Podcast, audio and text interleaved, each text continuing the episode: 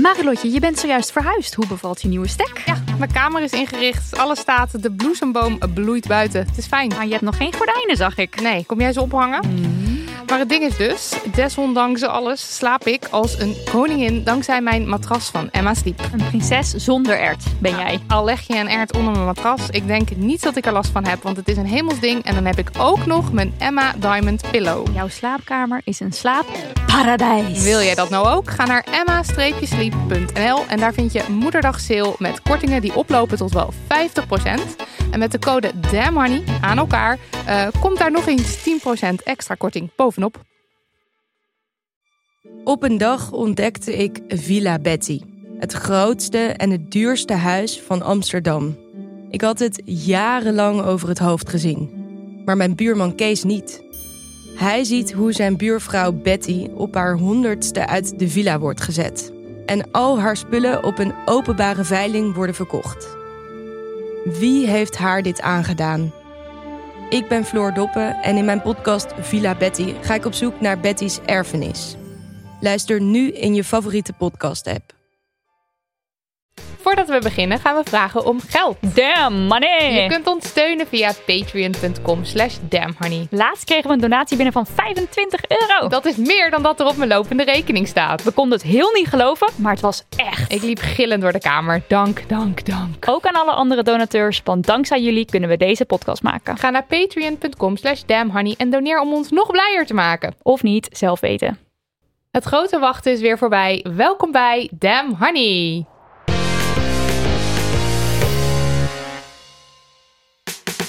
De podcast over shit waar je als vrouw van deze tijd mee moet dealen. Mijn naam is Marilotte. En ik ben Nidia. En je luistert naar aflevering 19, ook wel genaamd de grote festival feestaflevering. Ja, want vorige week zondag stonden wij op Tropicali, Marilotte Yes. en ik. Dus daarmee hebben wij het festivalseizoen weer geopend. Eh, en daarom hebben we vandaag een gast in de studio die ons alles kan vertellen over ongewenst seksueel gedrag en seksisme op de dansvloer. En ze werkt bij Mama Cash, schrijft over gender, identiteit en seksualiteit voor onder andere Sex Matters, One World en Bitch Media.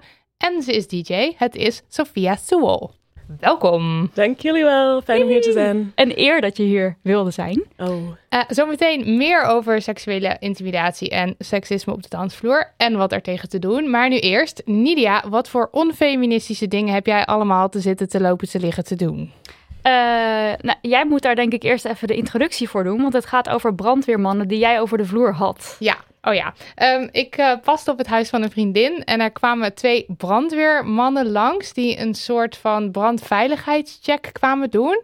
En ze kwamen me een soort van hele awkward vragen stellen. Wat doe je als je vlam in de pan... Ik weet niet waarom deze mensen langskwamen. Ik snapte er niks van. Maar wat doe je als je vlammen in de pan Hadden hebt? ze uniform eh, aan? Ja, eh, ze hadden zeker een uniform aan. Dus er stonden daar dus twee mannen voor me. En het werd al snel een beetje raar. Ik kreeg er Ja. een beetje een vreemd gevoel bij. En ze hadden ook heel erg dit van... Oh, dit, het was nogal een groot huis ook. Dus het was een beetje van... Oh, dit meisje hier in dit grote huis alleen. en de brandmelders, zus. En het, was, ik weet, het werd een heel raar sfeertje. En op een gegeven moment ging die ene ging over eh, het aanrecht heen hangen. En allemaal vreemde vragen stellen over brand. En die andere, die zei van... eh, nou, en... eh, als er vanavond brand komt, dan eh, komen wij je redden of zoiets. En het was Jeetje. gewoon, het was heel, ik vond het best wel ongemakkelijk. En ik was het dus aan Nidia aan het vertellen over hoe ongemakkelijk ik het vond. En dat het ook echt wel iets te lang duurde. En dat ik wel opgelucht was toen ze weggingen. Waarop Nidia's reactie was... Nou ja, ik stond gewoon het hele verhaal. Eigenlijk wat je nu heel goed ziet is het verschil tussen hoe Sophia reageert. Namelijk van, oh jeetje, oh wat vervelend, wat erg. Heel serieus. En ik was de hele tijd, hadden ze uniform aan? En, eh, Oh, dat is mijn en, grootste droom. en waren ze dan heel groot? En, en oh, ze kwamen je redden. ik heb een soort vieze fetish voor brandweermannen. Eh, ik heb het gewoon niet overgebracht als iets vervelends. Die stond hier helemaal te glibberen. Heel erg. Ja. Ik vraag me nu wel af, hadden ze ook certificaten dan of zo? Moet je die mannen binnen laten? Nee, nee, nee. zoiets? Deze afspraak was gemaakt. Oh. Dus ik wist dat ze zouden komen. En het klopte ook wel echt. Ja. Maar zij pakte het gewoon heel raar aan. En ze vonden het volgens mij zelf ook En raar ze dat ik dus van pakken aan, eh, Marilot. Ja, ze hadden zeker. Sorry, we houden er nu over op. Wat had je zelf Oh eh, ja. voor onfeministisch ding? Ik had wel een dingetje. Ehm, ik eh, zat op een bankje voor de koffiecompany een boekje te lezen. En ik had een behoorlijke decolleté. Dus ik had al een beetje een soort van eh, in de startblok van... er zal zo meteen wel iemand langskomen die iets zegt. Nou, dat gebeurde ook inderdaad. Er kwam best wel een, een mannetje, een vies mannetje langslopen... die zo heel, zo heel dichtbij en dan was echt... "Psst, meisje, lekker. Zoiets zei hij. En toen riep ik dus heel erg eh, assertief van mezelf, vond ik. eh, nee, gewoon niet doen. Doe dit niet. Ik zit hier niet op te wachten. Hou op. En toen dacht ik, kijk, kijk mij hier feminist Ja, uithangen. Was Heel toch? goed. Maar toen reageerde die man zo verschrikkelijk verbaasd. Als in, alsof hij echt niet snapte wat er aan de hand was. Alsof hij me een enorm compliment had gemaakt. Hij begreep gewoon niet waarom ik zei, nee, niet doen. Dat ik aan mezelf begon te twijfelen of ik Oh. inderdaad wel goed begrepen in je recht stond Ja. om zo te dus schreeuwen. toen werd ik een soort van, werd zo'n hakkelend, eh, dip, dip, dip. Nou, het ging maar gewoon weer lezen. Maar het was net zo'n beetje, ik voelde me helemaal zo fierce. En toen daarna was het een beetje chillig. Oh, dus snap dat is dan mijn minst feministische. En jij, Sophia? En ik, ja. Nou, we hebben wat mooie dagen gehad de afgelopen weken, ehm, waardoor ik weer in mijn bikini was. En ik twijfelde daarvoor of ik eh, wel of niet iets wilde doen met mijn schaamhaar. Want ik Mhm. heb al heel lang beenhaar, echt al eh, zes, zeven jaar. En ook sinds een paar jaar laat ik mijn okselhaar staan. Maar die haar rondom de bikinilijn is gewoon net... Ik moet nog steeds een beetje die drempel over of zo. Maar ik ging erover nadenken en ik ging er een beetje over twijfelen. En uiteindelijk heb ik het toch wel een beetje zo... eh, wat zeg je dan? Getrimd? Getrimd. Bijgewerkt of zo? Ja. Bijgewerkt. Ehm, en daarna, I don't know, het voelde best wel gek. En ik besefte ook toen ik daar stond de volgende dag met mijn bikini zonder die haar, ik miste het gewoon. Ah, alsof je iets van Ja. jezelf had weggenomen ja, en eigenlijk. eh, ja, ik had er echt spijt van. Ik dacht van, ja, waarom, voor wie heb ik dit gedaan? En ik voel er zelf niet prettig bij, dus hoezo? Ja. Maar ik vind het ook oké. Het was ook een goede ervaring, want nu weet ik dat deze zomer ga ik toch die haar laten staan. Hey. Yes. Leuke. Mm. Tijd voor post. Ja. Dan. Ja. Ja. Marilot, ga jij de eerste voorlezen? Ik ga hem voorlezen. Eh, dat begint zo. Dun. niet. Eh, hoi meiden. Allereerst ben ik groot fan van jullie podcast. Nu was ik de aflevering over dik zijn aan het luisteren en er kwam gelijk een situatie van een paar weken geleden naar boven. Ik was toen in de plaatselijke kroeg waar elke zaterdagavond een man een paar drankjes komt doen en vervolgens dronken naar huis gaat. Ik zat met vrienden en familie op dat moment. Even een kleine side note. Deze man heeft al meerdere malen vreemde opmerkingen gemaakt. Hij ging bijvoorbeeld met een vriend van mij in gesprek en hij zei tegen hem: Ga je haar wel lekker nemen vanavond? Nou, sorry, maar dat vind ik al erg. Maar nu gebeurde het volgende die beruchte avond van een paar weken geleden. We zaten met z'n allen in de kroeg en in het midden op tafel stond een bakje pinda's. Ik pakte er een, terwijl ik vrolijk zat te kletsen en op dat moment sprak deze man een vriend van mij aan. Ging even met hem in gesprek en toen de man op weg was naar de deur zei hij tegen mij... Neem er nog één en kots ze dan lekker uit met je bulimia. En hij liep zo de deur uit. Nou, ik wist niet wat er gebeurde. Op dat moment was iedereen stil en toen hij de deur uit was, beseften we pas wat hij nou eigenlijk had gezegd. Ik probeerde me er niet van aan te trekken, maar eerlijk is eerlijk, ik heb er een paar nachten slecht van geslapen. Vooral omdat ik deze man vaker tegenkom in mijn favoriete kroeg. Mijn vraag is nu, wat zouden jullie doen of zeggen tegen hem bij de volgende keer? Ik zou stoer willen zeggen dat het me niet veel boeit, maar helaas kan ik dat niet. Ik heb geen pinda meer gepakt die avond en elke keer als ik in het dorp loop, hoop ik dat ik hem niet tegenkom. Zo verdrietig. Heel verdrietig en ontzettend kut. En, en, en, en wel herkenbaar ook. Dit hele, het, het, Ja, het dat iemand iets zo snel gebeurt dat je weet niet eens goed wat er is gebeurd en wat je wil zeggen en hoe je daarover voelt. En Ja, en Ja. dat je dat nog dagenlang in je hoofd kan precies. rondspoken van ik had dit moeten doen of zeggen. Mm. Maar wat ik er eigenlijk zo verdrietig aan vind, is dat zij dus in haar eigen dorp zich niet meer Mm. helemaal op haar gemak voelt, voelt. ja. Omdat ze de hele tijd denkt van, oeh, wat nou als ik hem tegenkom? Het is heel moeilijk om hier advies over te geven, vind ik. Ja, als er nou, eh, weet ik veel, iemand, die, iemand was die ergens werkte, dan kan je zo'n plek nog een soort van actief ontwijken. Maar deze man loopt Hmm. gewoon rond in het dorp. Ja, je kan hem elk moment tegenkomen en je weet niet ja. wat hij dan weer voor raars gaat zeggen. Ja. Ik weet het ook niet zo goed, want ik ben, ik ben zelf een best wel een ontwijker. Dus dan, Oh, ik ook, dus dan- enorm. ja. Ja. ja, ik kan niet eens, ik kan niet zo snel denken aan een situatie waarin, mm, waarin ehm, het iemand was die ik zou vaker tegenkomen. Want je hebt Oh, wel zo. af en toe in een club of een bar dat iemand iets vervelend zegt en dat is kut en je zegt iets of niet, maar dan is dat voorbij of zo. Maar als Ja. iemand gewoon in dezelfde plek als jou woont, dat heb ik niet gehad sinds misschien de middelbare school of zo. Ja. Dus dat vind ik wel moeilijk. Maar ik zou wel zeggen, misschien is het fijn voor haar om toch een keer iets te zeggen. En dan Ja. misschien als andere mensen erbij zijn, vrienden of zo, familie.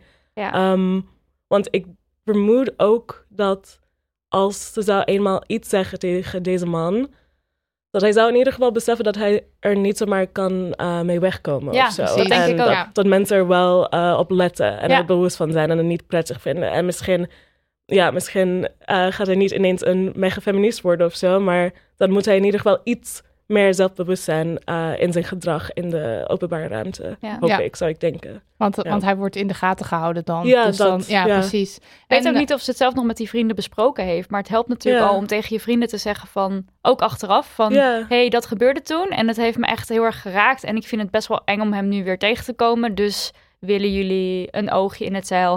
ja. Ja. ehm, wil je misschien iets... eh, zou jij iets durven zeggen als ik niks durf te zeggen? Zoiets? Het scheelt inderdaad ook wel dat zij erbij waren, want ze weten gewoon wat er Mm, gebeurd is. Ja, Mhm. en het is dus een man die vaker dit soort... Het is een beetje een soort controle, hè? Dus van die nare opmerkingen Zeker. maken en dan zo'n beetje zo... Een Macht uitoefenen. Ja, macht Ja. uitoefenen. ja. Echt de ruimte ook domineren door dus dit soort Ja. dingen te zeggen en mensen op hun plek te zetten of zo. Wat ik maar ook nog, maar ik weet dus niet hoe, hoe relevant dat is. Maar ik kan me nog voorstellen dat je misschien iets zegt tegen het personeel. Want Ja. als deze man er vaker aan. komt, dan is het vast iemand bekend. Dan, zij, kende, zij kennen dat gezicht natuurlijk ook. Ja. Dat je inlicht van, nou, dit is er in ieder geval aan de hand. En ik zou het fijn vinden dat als er weer iets gebeurt, dat, dat, weet, dat jullie maatregelen nemen of zo. Ja. Vind ik ook een goede. Ja, Nou, nou, ja. Succes, Succes. Ja, we leven met je mee.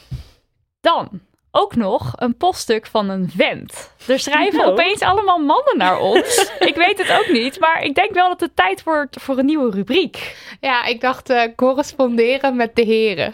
Of venten met venten, Menus met de penis. post van de worst, Lullen met knullen. pennen met mennen. Brieven met pieven. Ja, nou, we moeten nog even kiezen wat het wordt, maar dan kunnen we wel... Ja, misschien weer even een lekkere jingle erbij.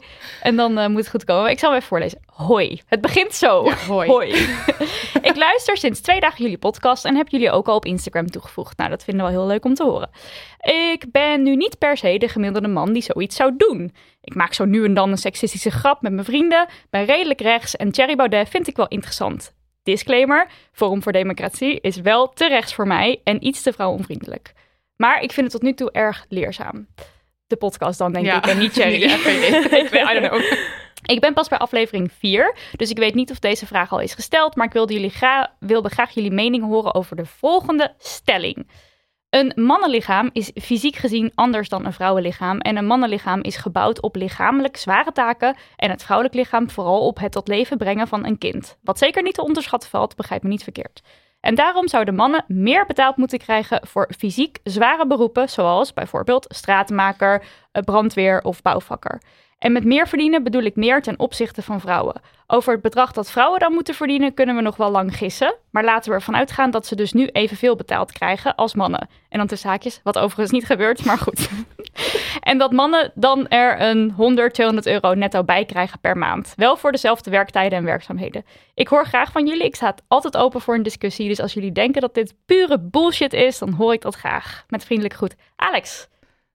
Alex, Jongen. bedankt voor je brief Het is- allereerst. Pure bullshit. Pure bullshit. Ja. Maar eerst bedankt voor je brief, want we gaan graag de discussie met je aan, want het is pure, pure bullshit. Eh, alleen al, je zegt het zelf al, vrouwen verdienen al minder. Dus waar, waar, waar, waarom deze stelling als al het hele, het hele uitgangspunt is al, vrouwen verdienen minder, mannen verdienen meer.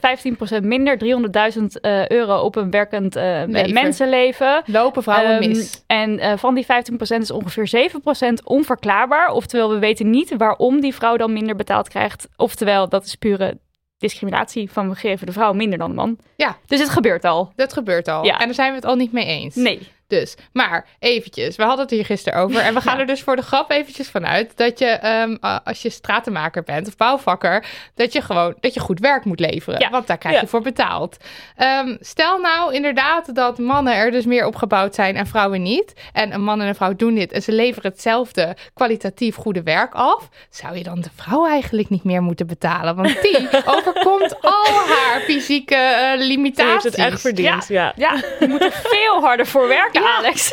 Alex. Dus eigenlijk zou ik zeggen, betaal de vrouw 100 tot 200 euro meer in plaats van de man. En waar ik trouwens ook nog over na zat te denken, want ik ging helemaal los. Ehm, de, eh, we hadden het een paar weken geleden, waren, was eh, die atlete Caster Precies. Caster Menja. Semenya een, Mhm. eh, eh, de hele tijd in het nieuws, omdat zij een heel hoog testosterongehalte van zichzelf Mhm. heeft. En zij moet daarvoor hormoonbehandelingen hebben om, om het te verlagen, omdat de, haar prestaties, het is niet eerlijk ten opzichte van de andere Vinden mensen. vinden mensen, Vinden mensen, ten opzichte ja. van de andere vrouwelijke atleten. Dus zij moet concessies doen, omdat haar lichaam, dat dus van nature gebouwd is om dit werk, haar sport, te kunnen beoefenen, Ja. eh, uit te kunnen voeren. Why the fuck zou een vrouw dus eh, haar eh, lijf moeten veranderen eh, en, en, en aan moeten passen? En krijgt een man de beloning hier? Meer betaald. Ja. Wat in de topsport ook is trouwens. Hè? Mannen krijgen daar ook wel vaak meer betaald. Ja, Ja. sowieso overal. Nog even, ja. Loonkloof, loonkloof. ja. Nee. Ja, het is Ja. ook opmerkelijk, want Michael Phelps he- heeft volgens mij ook iets Ja, die heeft ook waardoor- een eh, genetische voor, Precies. voorstand. En iedereen is gewoon, oh chill, ja, Wat leuk goed. voor jou, wat voor goed. hem. Ja. dus Geef hem meer echt- geld. Ja, het is echt iets met, eh, er is gewoon veel meer aandacht op de lichamen van vrouwen en dan vooral zwarte vrouwen. En dat Mhm. zie je heel duidelijk in deze voorbeeld. En ik wilde ook nog iets zeggen, of ja, deze voorbeeld geeft ook aan dat die, die verschil die we maken tussen de lichamen van mannen, die zijn zo, en vrouwen, die zijn zo, dat is gewoon echt niet zo zwart-wit. Er zijn heel veel mensen die intersex zijn bijvoorbeeld. En ook mensen die gewoon iets meer testosteron hebben, ook als dan de vrouw. Iets meer, eh, wat is eh omgekeerd in het Nederlands van testosteron? Uh, Estrogenen? Ja. Ja, precies. Eh, mannen die iets meer van dat hebben. Dus ja, het is gewoon niet zo dat je zo zwart-wit kan kijken ook naar lichamen. Ja. Want er zijn natuurlijk bepaalde lichamen die zijn gebouwd om kinderen te hebben. Er zijn inderdaad bepaalde verschillen, maar die verschillen zijn niet zo dat de helft van de eh, bevolking heeft dit en de andere helft heeft dat. Het is, als je naar de wetenschap kijkt, is het echt gewoon veel meer ingewikkeld Ja, dan er dat. zit heel veel diversiteit natuurlijk in. Ja, precies. Maar Eh, nog, eh, trouwens nog één dingetje. Ja, ik heb ook nog wel een dingetje. Waar komt erin? Doe jij, doe jij maar eerst je dingetje. Nou, ik, toevallig was er gisteren een discussie over dit onderwerp op Twitter, waar ik me natuurlijk met veel plezier in gemengd heb. Want dat was ook een, vrou- een man die zei van, eh, vrouwtjes die kunnen niks, want die hebben een heel zwak bekkengestel. Of zoiets. Anyway, eh, toen zag ik een andere tweet dat volgens de Arbo-wet mag je dus helemaal geen zwaardere dingen dan 50 kilo tillen. Ook niet met z'n tweeën. Daar, dat moet mechanisch gaan. Er is dus een max van wat je mag tillen. En op het moment dat mannen dan gaan reageren met ja, maar wij doen het alsnog, eh, dat is dan je eigen schuld, je eigen verantwoordelijkheid. Dus dat werk zou in principe ook door vrouwen gedaan kunnen worden. Misschien niet door Hmm. alle vrouwen, maar ook lang niet door alle mannen. Nee, precies. Ja, oké. Dus dat. Dus dat. Dan ik nog een dingetje. Ja. Ik weet niet of ik dan nu hele rare dingen zeg hoor. Maar eh, als je, de- deze stelling is: betaal mannen voor het werk dat ze doen met het, met, eh, voor, het, voor het werk wat ze gaan doen, want hun lichaam is daar opgebouwd. Eh, waarom dan vrouwen niet betalen voor eh, het baren van kinderen, want hun lichaam is daar opgebouwd? Dus ze doen dus blijkbaar precies waar hun lijf voor is gemaakt. Ja. Dus als je mensen daar gaat, voor gaat belonen, beloon dan ook de vrouwen. Ja, en wat ik trouwens nog wel, het is wel fysiek heel zwaar werk. En ik vind wel dat daar een terechte beloning tegenover mag staan. Ja, en dat er ook bijvoorbeeld in de pensioenen, dat daar naar gekeken moet worden. Maar dat heeft niks met man en vrouw te maken. Dat Nee. wilde ik Mm. ook nog zeggen. Oké, nou. Alex, hopelijk heb je er wat aan. Joe.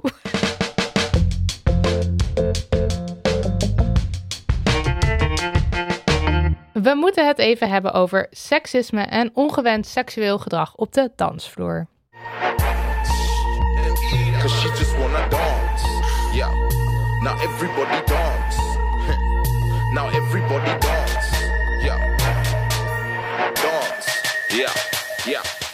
Je hoorde India en Winey en met het nummer She Just Wanna Dance, want die vrouwtjes willen gewoon dansen. Laat die vrouwtjes met rust. Maar we worden niet met rust gelaten.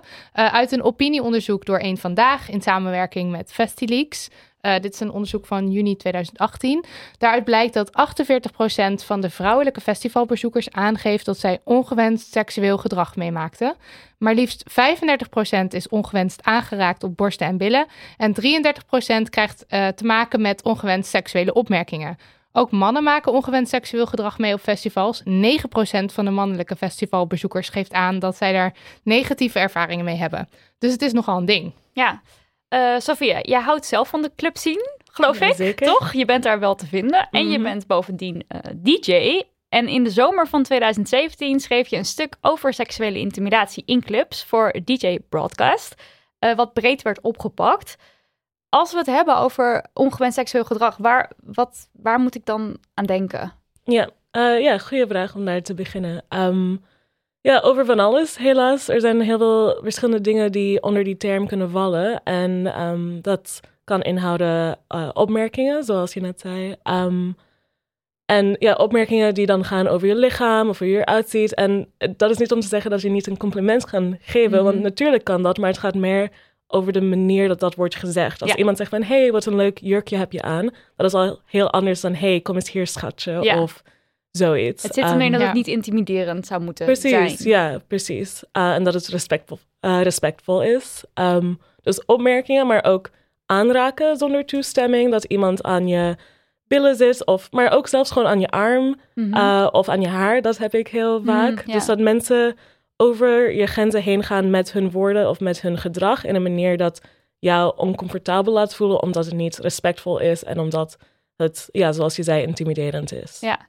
Ja, en dat is dan ook echt bewust. Want je hebt natuurlijk in een club sta je dicht op elkaar en je moet langs Mm. elkaar heen lopen. Dus Ja, je zal klopt. waarschijnlijk tegen elkaar Ja, aankomen. precies, zeker. Maar het Ja, gaat echt, en ik denk dat bijna iedereen dit herkent. Het gaat er echt om dat je dan zo die hand zo over je bil of onderrug voelt. Precies, Ja, dat het net, bijvoorbeeld. net kut is. En dat, je je denkt van, mm, Ja, wacht even. Maar ook Ja. dat je dan net denkt, gebeurde dit nou? Ja, ja, dat je gaat ook- eraan twijfelen. En Ja. dan, dat is de ding, dat is ook iets wat kwalijk hier aan is, is dat dan ben je daarmee bezig in plaats van gewoon lekker dansen zoals die liedje ja. eh, Ja. net zei. Dan ben je in je hoofd bezig en bezig met ben ik hier veilig, wat heeft er nou net gebeurd, in plaats van gewoon genieten van je avond met je vrienden. En dat is heel jammer. Ja, precies. Ja, want dat is het storende natuurlijk. Jij wilde gewoon dansen. En ja, wat ik zelf heb, ik vind, ik vind dus echt wel goed, lekker, vies dansen. Dat vind ik heel erg leuk. Ja, ik ga niet zo vaak uit trouwens. Dus ik kan niet heel erg over de club zien, heel erg meepraten. Want in al die hippe play, ik kom daar gewoon niet. Maar eh, bijvoorbeeld op Tropicali, waar we waren op dat festival. Daar ging ik gewoon even echt lekker dansen. En ik had een heel kort rokje aan, maar niemand daar. Het is ook wel een festival waar vooral heel veel gay mannen komen. Dus die Ja. hebben ook niet per se aandacht voor mijn lichaam. Maar niemand was Mm. daar dus ook intimiderend of kijken of voelen of iets. En dat was Ja. echt heerlijk, want ik kon gewoon Zo lekker bevrijdend. dansen. Ja. Ja, En dat is dus heel vaak niet het geval. ja. En dat is zeg maar niet echt eh, per se iets wat de UN gaat zien als een mensenrecht, zeg maar heel vrij kunnen dansen. Ja. Maar ik vind wel echt dat het is iets waar we recht op hebben om gewoon vrij en fijn te kunnen voelen in de openbare ruimte. Daar komt het eigenlijk op neer, denk Ja. ik. Maar ik zat dus gisteren met Nidia te praten over welk gedrag er dan onder valt en, en wa- wat je dan overkomt. En ik ehm, moet toch wel, eh, ik vond het wel schokkend dat ik in eerste instantie dus dacht, ja, nou, ik maak dat eigenlijk niet mee. Ja, wel Aha. gewoon het in je kont knijpen of Oh je ja, wordt dus een beetje dat, Ja. maar dat hoort er dan gewoon bij. Het is een Mm. beetje een soort van, als je uitgaat, dan is dat een beetje waar je dan rekening mee houdt. En dat vond ik eigenlijk wel schokkend. En pas toen ik daarna na- nadacht van, ja oké, maar ik heb ook regelmatig dat ik bijvoorbeeld met mijn vriendin te zoenen en dat er dan opmerkingen worden Ja. gemaakt waar ik totaal niet op zit te wachten. Ja. Maar eh, op de een of andere manier heb ik dus helemaal eh geïncorporeerd of zo, dat dat erbij hoort Zeker. als je uitgaat. Ja, dat heb ik ook. Ik zei laatst tegen iemand, of nou ja, het is wel een tijdje terug, ehm, dat ik nooit iets had meegemaakt in de school waar ik vaker ga. En toen de volgende dag ging ik daarover nadenken, zo van, oh, maar er was wel dat en dat. Oh ja, en Ja. dat. En Precies. inderdaad, Dat ook al ehm, ga ik daar tegenin, die idee dat het eh, er gewoon bij hoort, heb ik dat ook geïnternaliseerd. Ja. Ja. Ja, ik las trouwens, want jij had dat artikel waar we het net over hadden, wat je hebt geschreven voor DJ Broadcast. Mhm. Daar stond één zin in waar ik gewoon, eh, want jij zegt daar, ehm, vrouwen horen niet in een club thuis. En als ze daar wel zijn, gaan ze ermee akkoord, zodat ze hun persoonlijke ruimte en grenzen opgeven. En toen dacht Mm. ik, ja, dat is het. Want het Ja. is dus een door mannen gedomineerde wereld. Ja. En als je als vrouw je daarin begeeft, ja. zijn dat soort van de regels Ja. die je dan... Zij bepalen de normen. En als je er een probleem mee hebt, dan Blijf je- thuis. Blijf gewoon thuis. Ja, inderdaad. En hoe- wat, wat eh, zorgde ervoor dat je dacht, ik moet hier een stuk over schrijven? Hoe kwam dat? Ehm, ja, goede vraag. Ik denk, nou, ik begon met uitgaan misschien in, even denken, 2013 of zo. En daarvoor, dat was toen ik voor de eerste keer in Amsterdam woonde. Ik woonde hier toen een jaar of zo. En ik ging die zomer heel vaak naar trouw. En dus toen begon ik een beetje in die wereld te bewegen. En eh, toen ik hier terug verhuisde en weer heel veel ging uitgaan en zo. ehm, ja, de, ik weet niet, de meer dat ik in die wereld beweegde, de meer dat ik merkte dat uh, de verhaal dat ik hoorde over die wereld, de uitgaan zien of zo, dat het allemaal zo gelijk is en vrij. Ik begon te merken dat dat gewoon niet klopte. Misschien omdat ik zelf van een gender studies en feministische achtergrond kom, dan uh, begon ik die twee dingen soort van te linken. Zo van, oh wacht even, dit is wat ik zie, dit is wat ik merk. En uh, dat zou eigenlijk veel beter en anders kunnen. Um, en ja, hoe ben ik bij DJ Broadcast terechtgekomen? Ik denk dat het kwam doordat een vriend me vroeg om een soort van workshop te begeleiden over diversiteit en inclusiviteit in de scene. En volgens mij was de hoofdredacteur aanwezig die avond. En toen vond hij mm, die boodschap en die verhaal gewoon heel belangrijk en heel sterk. En hij wilde DJ Broadcast als platform gebruiken om daar meer aandacht aan te geven. En dat heeft wel gelukt, wat heel fijn was. Want volgens mij is de uh, publiek van DJ Broadcast niet per se. Um, ja, is veel mensen volgens mij die wel van muziek houden, maar niet per se feministisch zijn of Ja. politisch zijn of whatever. Oh, dus je hebt Dus- een goede doelgroep ermee. Ja, het was eigenlijk een doelgroep die denk ik niet zo heel veel met deze onderwerp bezig was. Want wat ik merkte toen ik met Ilko sprak was dat uh, er zijn gewoon veel mensen die niet überhaupt niet door hadden dat dit Ja. gebeurt. Ja. En toen ik dat wist, of toen ik dat hoorde, was ik zo van, oh, mensen weten niet eens dat dit gebeurt. En toen was ik zo van, oké, dan moet ik een soort van 101 schrijven. Zo van, oké, kijk, dit gebeurt. Ja, eerst Ehm, maar eens laten zien dat het laten zien gebeurt. dat het Ja. gebeurt, Ja. inderdaad. Want dat vond ik best wel schokkend om te denken. Dan merk je, dan voel je dat je gewoon niet eens in dezelfde wereld als in iemand anders leeft. Als jij heel vaak iets meemaakt en zij weten niet eens dat dat gebeurt. Ja, En dat leek mij de eerste stap om daar bewustwording te creëren. terwijl het inderdaad zo vanzelfsprekend dus voor ons is. dat wij denken, ja. ja. overkomt mij dat? Ja, nee, niet echt. Ja. Totdat je dan gaat nadenken van, ja, ik had dit en dit en dit en dit. Ja. En natuurlijk zijn er wel gradaties in. Dus ik, ik kan me wel, ik ben, ja, omdat ik ook niet zoveel uitga, ik heb nooit echt iets heel heftigs meegemaakt. Maar Mm. al die kleine dingetjes, die Zijn tellen ook ook als Ja. vervelend. Ja, absoluut. Ja. Eh, en de keren dat ik dan uitging, was vaak met een hele grote groep eh, mensen, eh, ook mannen. Dus dan heb je ook Ah, dan maak je ook een soort safe spaceje voor Mm. jezelf. Want dan ben je gewoon omringd door allemaal mensen die je goed kent. En nou ja, dan heb je dus ook niet zo snel dat er vreemde mensen heel erg aan je komen zitten, geloof ik. hmm. Maar we hebben een oproepje eruit gestuurd eh, aan onze luisteraars van... hey, ehm, hebben jullie ervaringen hierover? En die waren, dat was natuurlijk weer eindeloos wat we binnenkregen. En dat gaat van echt tot ehm, flink bij de billen... ofwel bijna een soort van in de billen eh, Hmm. grijpen... tot aan het oor likken. Een meisje van 17 dat zei dat ze zich echt voelde... Als, alsof ze een soort aas was waarop gejaagd werd door mannen... En dat eh, de proppers eh, bij Gersonisos eh haar beet pakte, knuffelde, kusjes geven op de wang, stickers plakken op borsten of kont ongevraagd. Ja, een en meisje van eh, 17 die daar dus al zoveel Ja. ervaring dan dus mee heeft, dat ze zei van, het is niet meer op mijn hand te tellen hoe vaak ik een hand onder mijn shirtje, eh, mijn heupen, ik word even in mijn kont geknepen. Wat zien je tieten er goed uit? Je bent een lekker wijf. Dat is een meisje van 17. 17, die is Mm. net bezig met uitgaan. Die is dit net aan het ja. ontdekken. Er was ook een, eh, een klein dialoogje wat ik gewoon heel tekenend vond. Dan, eh, dan zegt het meisje, hou daarmee op. Je ziet dat ik het niet fijn vind. En dan antwoordt de man, ja, maar ik wel. En dat is natuurlijk ook zo heel erg... Het is do, do, domein van je bent een soort van eigendom. Ja. Of je bent, ja, ze eigenen je lichaam gewoon toe. Ze zitten aan je Precies. en dat... Ik heb ook gehoord eh, verhalen van mensen die iets hebben gezegd zoals dit. En die dan eh, gewoon geweld ervaren van degene Mhm. eh, waar ze het over hebben. Um, dus dat is ook een ding dat we leren ook dat het eh, in ons belang is om er niets over te zeggen. Ja, Want er is altijd die soort van threat van Ja, geweld. ja. En er is of die soort van angst daarvoor, of het gebeurt wel echt. ja. Dus dat is ook iets wat ervoor zorgt dat we hier niet genoeg over praten en niet genoeg ingrijpen. Ja, ja en het is, het is natuurlijk ook... ehm, kijk, als het, als het snel gebeurt, dan kan je ook niet altijd... Dat is het lastige nee. aan de club zien. Dat het, het, is, het is druk, het is, eh, de, muziek staat hard. Dus het is ook heel moeilijk om dan... Zeker. eh, als je ja. dus op je, kin, op je kont geslagen wordt, om daar dan direct op te reageren. Ja. Je moet daar ook maar een soort van de scherpheid voor hebben om dan meteen eh, iets Ja, te je doen. zelf misschien ook nog onder invloed. Maar ik zelf... en dan moet je ook nog durven. En ja, dan, ja. ja, ja, precies. Maar je moet het zeker weten, durven en snel kunnen reageren. Maar als je al op straat al va- vaak sta- twijfelt als iemand je iets naroept. Van, hè, verstond ik dat nou goed? Dat zijn, oh, dat, dan ben je gewoon in een nuchtere omgeving. En is er daglicht en twijfel je al. Ja. S'avonds is het dan wel heel erg lastig. En dan denk ik ook aan de plekken waar je dan... Het is ja, donker en vol, maar er zijn er ook rookmachines. En, eh, en, en je kan niet bewegen. Soms dan word je zeg maar echt zo opgeteld met zo'n massa... als je je wil bewegen, omdat het gewoon niet kan... omdat het vol zit. Mhm. Maar hoe komt het dat de uitgaansscene of festivalscene dat dit dus zo'n probleem is? Heb je daar een verklaring voor? Mm. Ja, dat is een goede vraag. Ik denk dat veel mensen zouden zeggen omdat mensen onder de invloed zijn. Dat heeft er wel, denk ik, ergens mee te maken. Maar ik denk.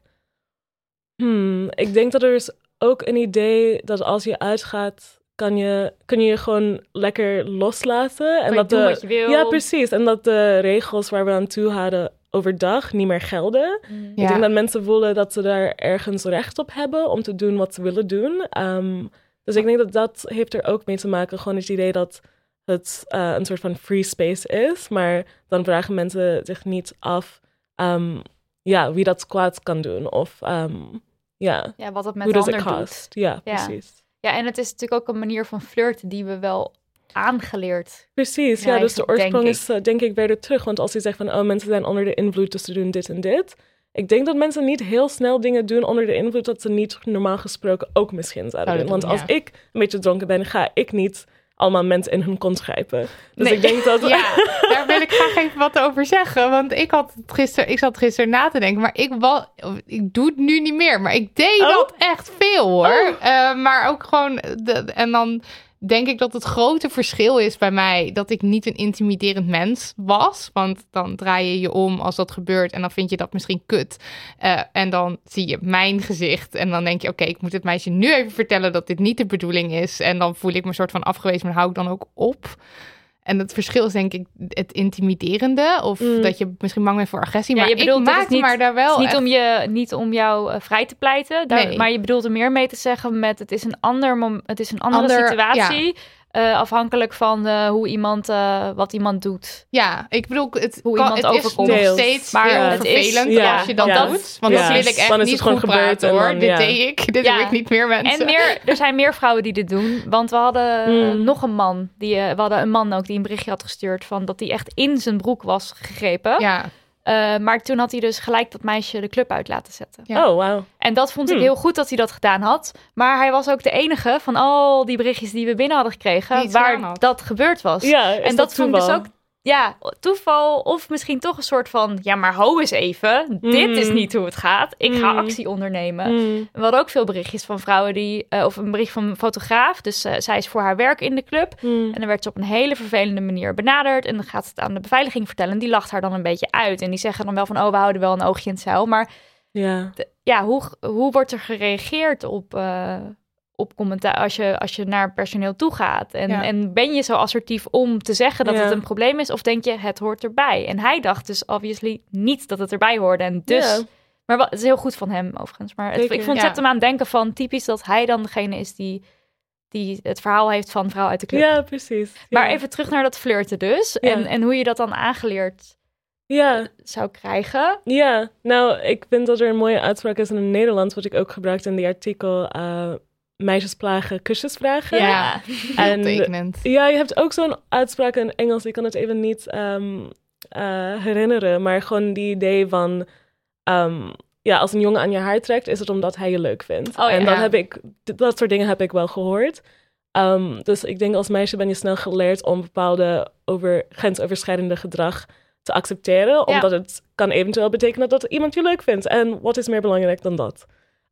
Ja, want dat krijg je Dit ook wel hier kregen we er ook eentje van binnen. Hè? Van, eh, eh, een, iemand die stuurde eh, over een schoolfeest toen ik 14 was. Ik had een kort rokje aan, maar werd door een vreemde jongen in mijn bil geknepen. Onder mijn rokje, bijna vulva-gebied. Ik schrok en zeide tegen een vriendin, waarop zij zei... Oh, ik zie hem, hij wil met je dansen, denk ik. Ja. Dat is echt precies hetzelfde. En een meisje van, ja. eh, ook van een schoolfeest, die was 15. En bij het binnengaan van de aula werd ze bij de kont gegrepen door een eh, jongen die een paar jaar hoger eh, zat. En een docent, een vrouwelijke docent die het zag, die ook een beetje lachte naar die jongen. Omdat het Oh. dus inderdaad, Aangemoedigd het is nou niet aangemoedigd, ja, maar Nou, meer soort van, het is flirten. ja. En dat was ook een reactie die we veel kregen van van mensen van dit vind ik nou zo moeilijker aan. Dat het altijd wordt afgezet, weggezet als het is gewoon flirten. Ja, ja, maar er zijn zoveel manieren om te flirten. En als we zeg maar, mensen hun grenzen overheen moeten gaan om te flirten, dat is toch gewoon helemaal niet de bedoeling. En er zijn veel leukere manieren, manieren om met iemand te flirten dan even je hand op hun kont zetten of whatever. ja. Er je kan gewoon in de ogen van die persoon kijken en zeggen van, hey, hoe gaat het met je? Uh, of whatever, wil je met me dansen? Er zijn gewoon wel betere manieren als je echt contact wil zoeken met iemand om dat te doen dan ehm, ja, aan hun haar trekken of een soort van wieze opmerking maken. Dat werkt gewoon niet. Dat pestgedrag is gewoon Ja. niet, niet goed te, te praten. Eh, iets wat je geloof ik ook in je stuk schreef was de eh, scheve man-vrouw verhouding in de Mm. club. Dat dat er ook aan bij zou kunnen dragen. Ja. Eh, dus op het moment dat er meer mannen zijn. Ja, ik denk dat een soort van, ik weet niet hoe je dat zegt in het Nederlands, maar ehm, iets self-reinforcing is. Ja. Dus omdat er misschien al meer mannen in een bepaalde eh, club zijn, dan is het voor die vrouwen lastiger, denk ik, om veilig en thuis te voelen. En voor die mannen, ik denk dat zeker met groepen mannen, is er een bepaalde gedrag die wordt wel aangemoedigd.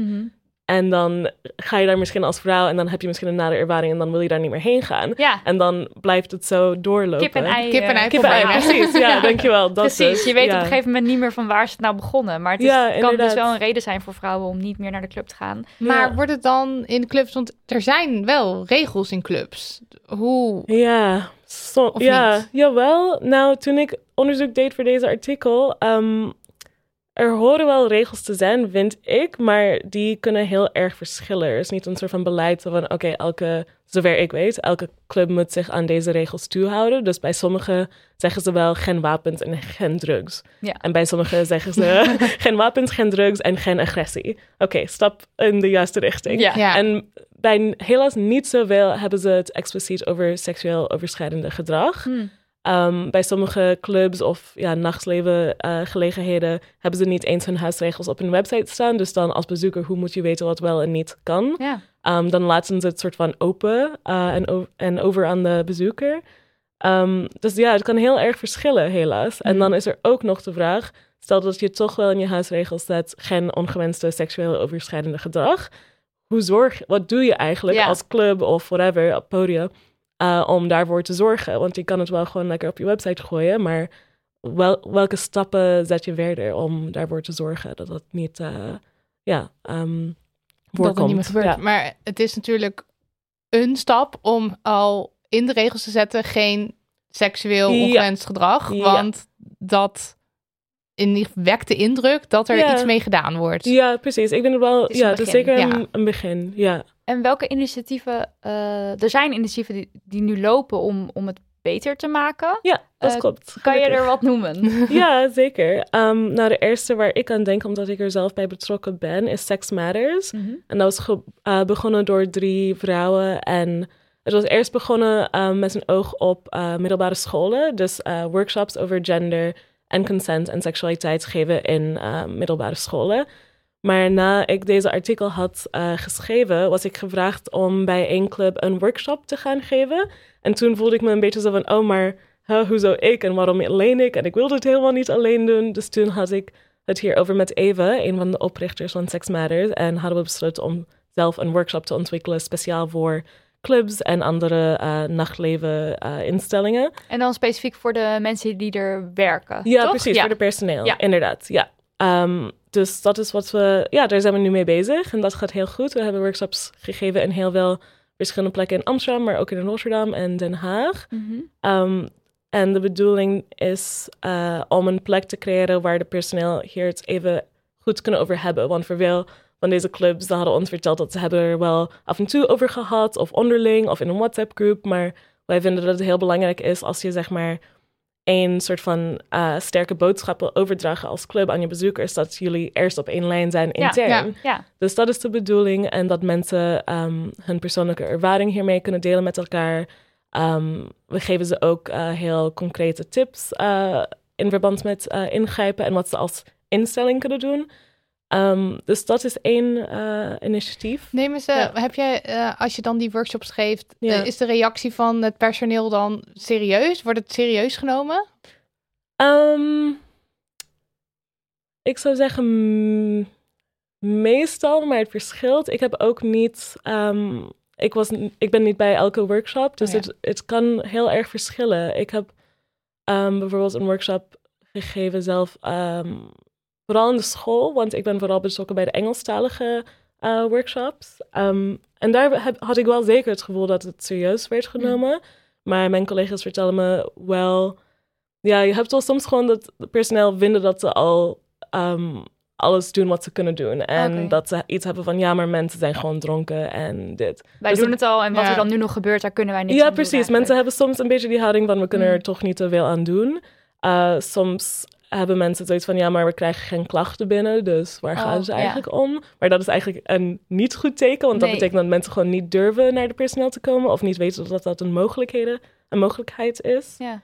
Um, maar in het algemeen wordt het wel, is er wel echt vraag naar en dat is wel fijn. Ja. En we Ja. kregen ook een berichtje binnen van iemand die zei: Oh, maar gaan jullie het dan ook hebben over de workshops van Sex Oh, Matters? wat leuk. Want zij had dus een vervelende ervaring gehad in een club en zij wist dat jullie daar geweest waren en daardoor durfde ze naar het Mm. personeel te stappen en werd die persoon de club uitgezet. Dus dat, was een is soort zo mooi. super mooi verhaal van hoe het dus kan werken. Wauw, wat cool. Maar wat voor concrete tips geef je dan aan, aan zo'n... Aan... Stel, ik, eh, Ja. ik werk in een club en Mhm. iemand komt naar mij toe. Wat zou ik dan het best kunnen doen?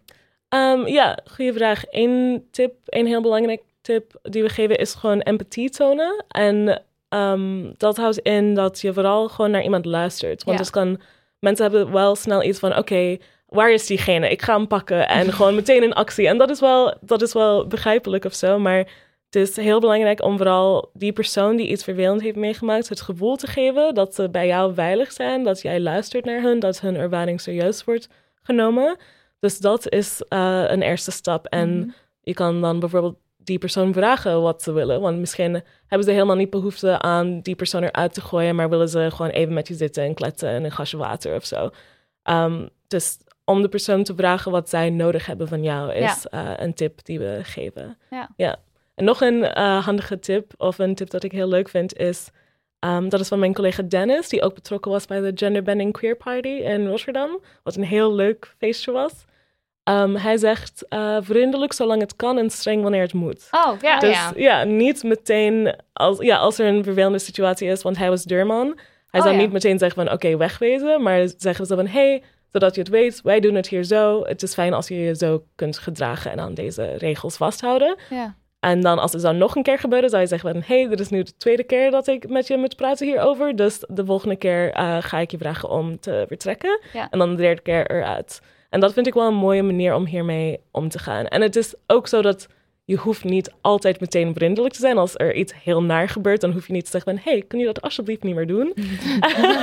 maar in het algemeen, als een eerste stap... als, ja, als je gewoon iets in de gaten wil houden... is het wel een fijne aanpak, vind ik. Ja. Ja. Niet gelijk zo keihard erin. Ja, precies. Dat hoeft niet altijd. Verder zagen we ook nog eh, actiegroep Say No Thanks. Ik weet niet Ja, of je daar, precies. je- heb je daar ook iets van... eh, Ja, ik, ik heb het wel voorbij zien komen, maar ik weet er niet heel veel van. Ik was eerst sceptisch, want het klonk voor mij Ja, zo van... ja, oh, je wij gewoon nee zeggen. Ja, ja, ja. maar Oké, dat had ik dus ook. Maar ik denk dus... We zijn wel goed bezig Ze bedoelen het eigenlijk. volgens mij eerder ehm, als club zijnde. Mhm. Maar ik weet het, want ik vind Ja. dus ook raar dat je nee dankjewel zou moeten Ja. zeggen als iemand aan je beeld zit. Ja, maar volgens mij bedoelen ze dat niet. Nee, dat... Tenminste, ja. ik hoop het. Maar eh, het is dus een actiegroep opgericht door vijf vrouwen uit de muziekindustrie. Ja. En het is ontstaan nadat een van hen, Mabel Zwaan heet zij, eh, Paradiso uitvluchtte. Mhm. Omdat ze was lastiggevallen tijdens een concert en omdat niemand iets deed. En ik geloof dat zij vooral veel in gesprek zijn met ik poppodia en dergelijke. Maar de naam is inderdaad, was verwarrend voor mij. Ja.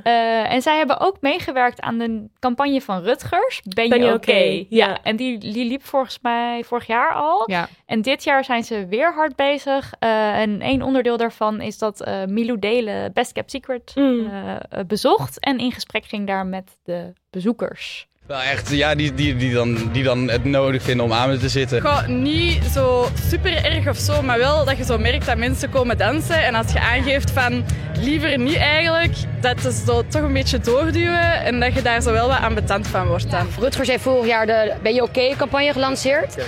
Ken je dat? Ik heb het gezien ergens, Ja. ik heb het voorbij zien komen. Dus Ja, ze hangen ook hier op eh, de wc's. En dat is eigenlijk een campagne dat als je ziet dat, dat iemand wordt lastiggevallen, dat je kan vragen aan diegene, hey, ben je oké? Dat iets zijn wat jullie fijn zouden vinden of zouden doen? Het is niet van, hé, hey, je deed hij iets verkeerd, maar gewoon van, even voorzichtig checken. Want Je weet, het, je weet de context vaak niet. Het, je hoort ze ook niet. Geluid vaak, concert of een club of whatever. Eh, dat is lastig om te weten wat de relatie tussen iemand anders is. Dus als jij een soort snel iets hebt waar jij eh, wel even een soort check-up kan doen bij iemand van... Alles nog steeds goed? Dan eh, dat zou wel goed zijn eigenlijk. Ja, dus dat is het idee dat als je het ziet gebeuren, dat je dan vraagt van, hey, eh, you okay? Wat snap- vinden jullie van deze Hm.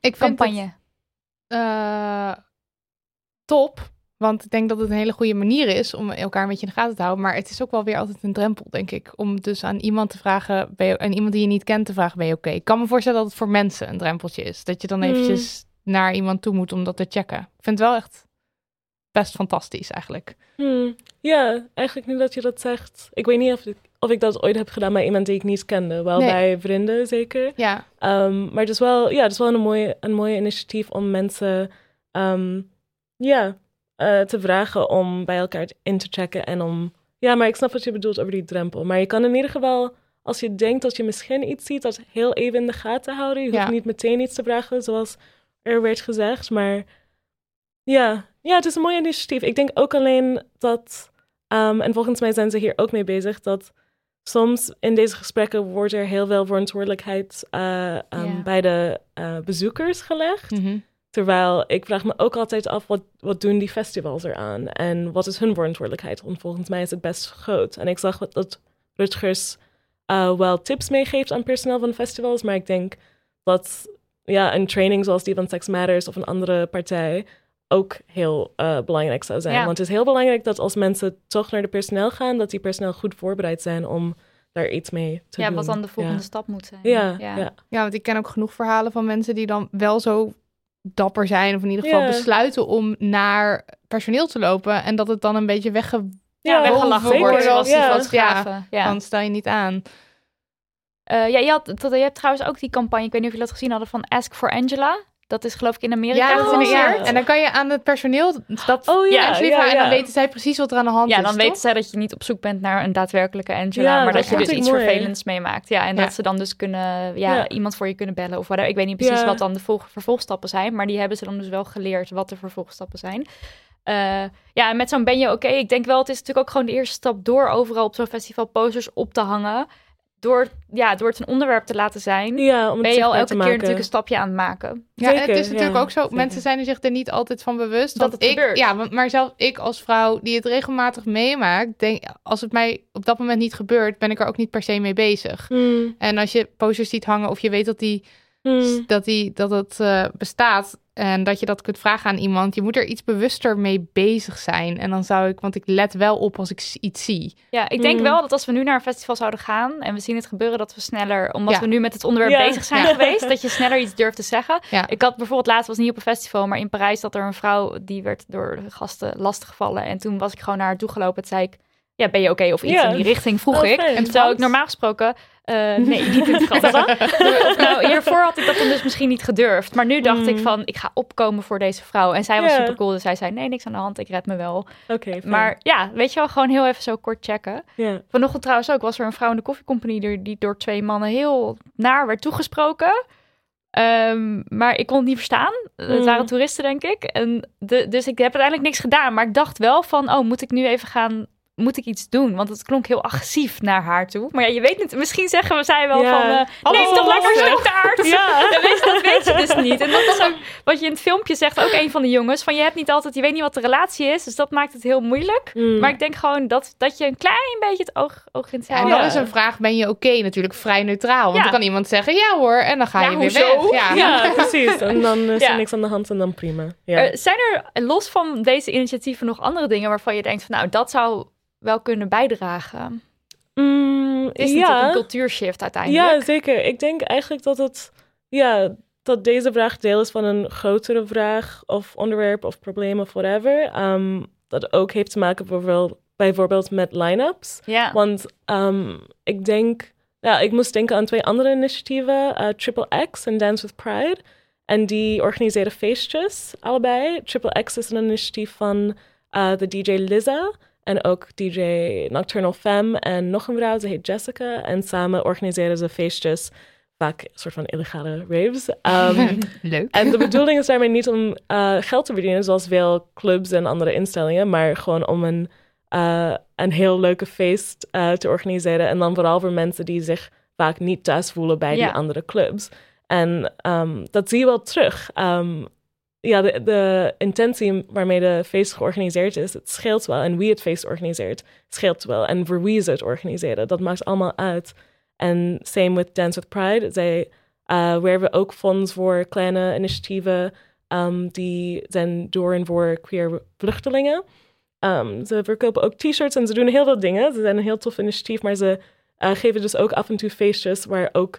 Um, ja, ik denk omdat zij allemaal hiermee bezig zijn, dat zie je gewoon terug in, in het feest en in het publiek. Het is echt onderdeel van de Ja. organisatie om dit... Om, Ja, ja, zeker. om die space, safe space te Ja, precies. creëren. En omdat dat een prioriteit is Ja. uh, voor hun intern, dat zie je gewoon terug. Dus ik denk ook als je kijkt, zeg maar, wie zijn de bookers en de Mhm. managers en whatever van die grote festivals en de clubs. uh, zijn het mensen die hiermee bezig zijn? Zijn het mensen die hier ervaringen mee hebben gehad of niet? Um, en ik denk ook als een line-up gedomineerd is door mannen, omdat misschien de booker ook een man is en hier misschien niet zozeer mee bezig is, dan trekt dat wel. Ik denk dat dat wel ook invloed heeft op het publiek en wie Ja. daar thuis voelt en dat soort dingen. Dus ik denk, het is eigenlijk een heel groot soort van structurele probleem of ding. Um, Ja. En ik denk dat als we op het lange termijn dingen echt willen veranderen, dan moeten er ook meer verschillende soorten mensen zijn in die posities van beslissingen maken en beleid creëren en DJ's boeken Ja. en dat soort dingen. Hogere ja. diversiteit, al, gewoon ook Precies. representatie, Ja, alles. dat dus. Ja, Ja, die, die line-ups, nou, daar heb ik ook nog wel een mening over. iedereen wat over te zeggen. Ja, nou, het was heel erg in het nieuws de afgelopen eh, paar weken. Dat, heeft, dat kwam mede door eh, Primavera. Het is een heel groot Spaans festival met 100.000 bezoekers... waar ze voor het eerst een 50-50 line-up eh, besloten te doen. Eh, ze waren niet het enige festival dit jaar. Er zijn er nog twee. Ik weet even de namen niet. Ik geloof Zweden eh, Hmm. sowieso. Ehm, maar door dat Primavera stonden er ook twee stukken in eh, Volkskrant en NRC over dit onderwerp. En dan bijvoorbeeld die journalist van eh Volkskrant, die begint dan al met eerlijk, toen ik de trotse aankondiging van Primavera over het nieuwe normaal, want zo noemen ze het festival, eh, of zo noemen ze het zelf, onder ogen kreeg, zonk de moed mij in de schoenen. Nee toch, dacht ik, zoals waarschijnlijk heel veel mannen en vrouwen die zielsveel van mooie festivals houden. Het gaat toch om de muziek, je wilt toch de beste bandjes boeken, Mm. ongeacht kleur, geaardheid of seksen. Je boekt toch geen acts omdat ze vrouwelijk zijn? Je programmeert toch ook niet alleen mannen met een snor? En toen zag ik het programma. En op dat moment nam de kritische muziekhoofd, nam dat kritische muziekhoofd van me abrupt een andere afslag. Wat een fantastische line-up. Mm. Dit is zo typisch. Ja, Dus dat is de gedachte. Oh, we gaan meer vrouwen vragen. Dan moet het wel slechter worden. ja. Hallo. Echt, what the fuck? Ik, wat is dit voor rare gedachtegang dat dat je eerste gedachte is? Ik snap Ja. wel dat, dat de regeltjes, dus als je het gaat hebben over quota of zo, dat dat kan klinken als heel hard. Van we moeten dan precies. Mm. Maar er zijn zoveel goede vrouwen bezig. En dit is dan zo'n, als je, als je zo'n redenering dan leest in de krant, dan denk je, oké, maar dan is het toch zo, deze man geeft dit dus nu toe. Eh, Ja. Dit is zo wat, wat, wat al die mannen dan, dan denken blijkbaar, maar niet toe willen geven of zo. Of Ja. misschien zelfs niet bewust van zijn dat ze Mm. zo denken. Nou, en de NRC, die kopte Ja, dus met de titel... eh, Er zijn gewoon niet veel geschikte vrouwelijke acts. Dat was, dat was de titel. Dat is niet per se de mening van NRC overigens. Hè. Dat is die oké. wordt gezegd door de... Het wordt er, eh, er zijn allerlei verschillende eh, hoofdboekers, geloof ik. Ik weet niet precies hoe dat heeft, van, heet. Van festivals aan het woord. Dus Volgens van Lowlands, van Best Kept Secret, van Pinkpop. Ehm, en dan is bijvoorbeeld eh, de vraag: zijn vrouwelijke muzikanten belangrijk als rolmodel? En dan antwoordt ene meneer Karting van Pinkpop: Ik begrijp niet waarom het per se vrouwelijke muzikanten moeten zijn. De tourmanager van Jet Rebel is een vrouw. Lisa Moret, de manager van De Staat. Arjo Klingens is een vrouw. Een Beyoncé word je niet zomaar. Dan is de tourmanager van Jet Rebel een beter rolmodel. Nee! Je ziet ze niet. Je ziet die rol. Nee. Ik bedoel, het is heel belangrijk dat ze daar zijn. Zeker, absoluut. Maar ze moeten ook op het podium. Ja. En je, en je- deze als, ik bedoel, als klein meisje van negen kijk je niet naar de, de manager, de tourmanager van zo'n club. Mm. Nee, en ook niet als festivalbezoeker. En wat jij Nee. zegt van als er meer vrouwen ook op de podia zijn, dat heeft alweer zoveel invloed op, op, op alles, op het hele ja. festival, hoe het in elkaar zit. Eh, en dan was er ook eh, de man van het geloof van Lowlands. Die zei, binnen ons bedrijf werken veel vrouwen. We hebben vier vrouwelijke boekers op de 15.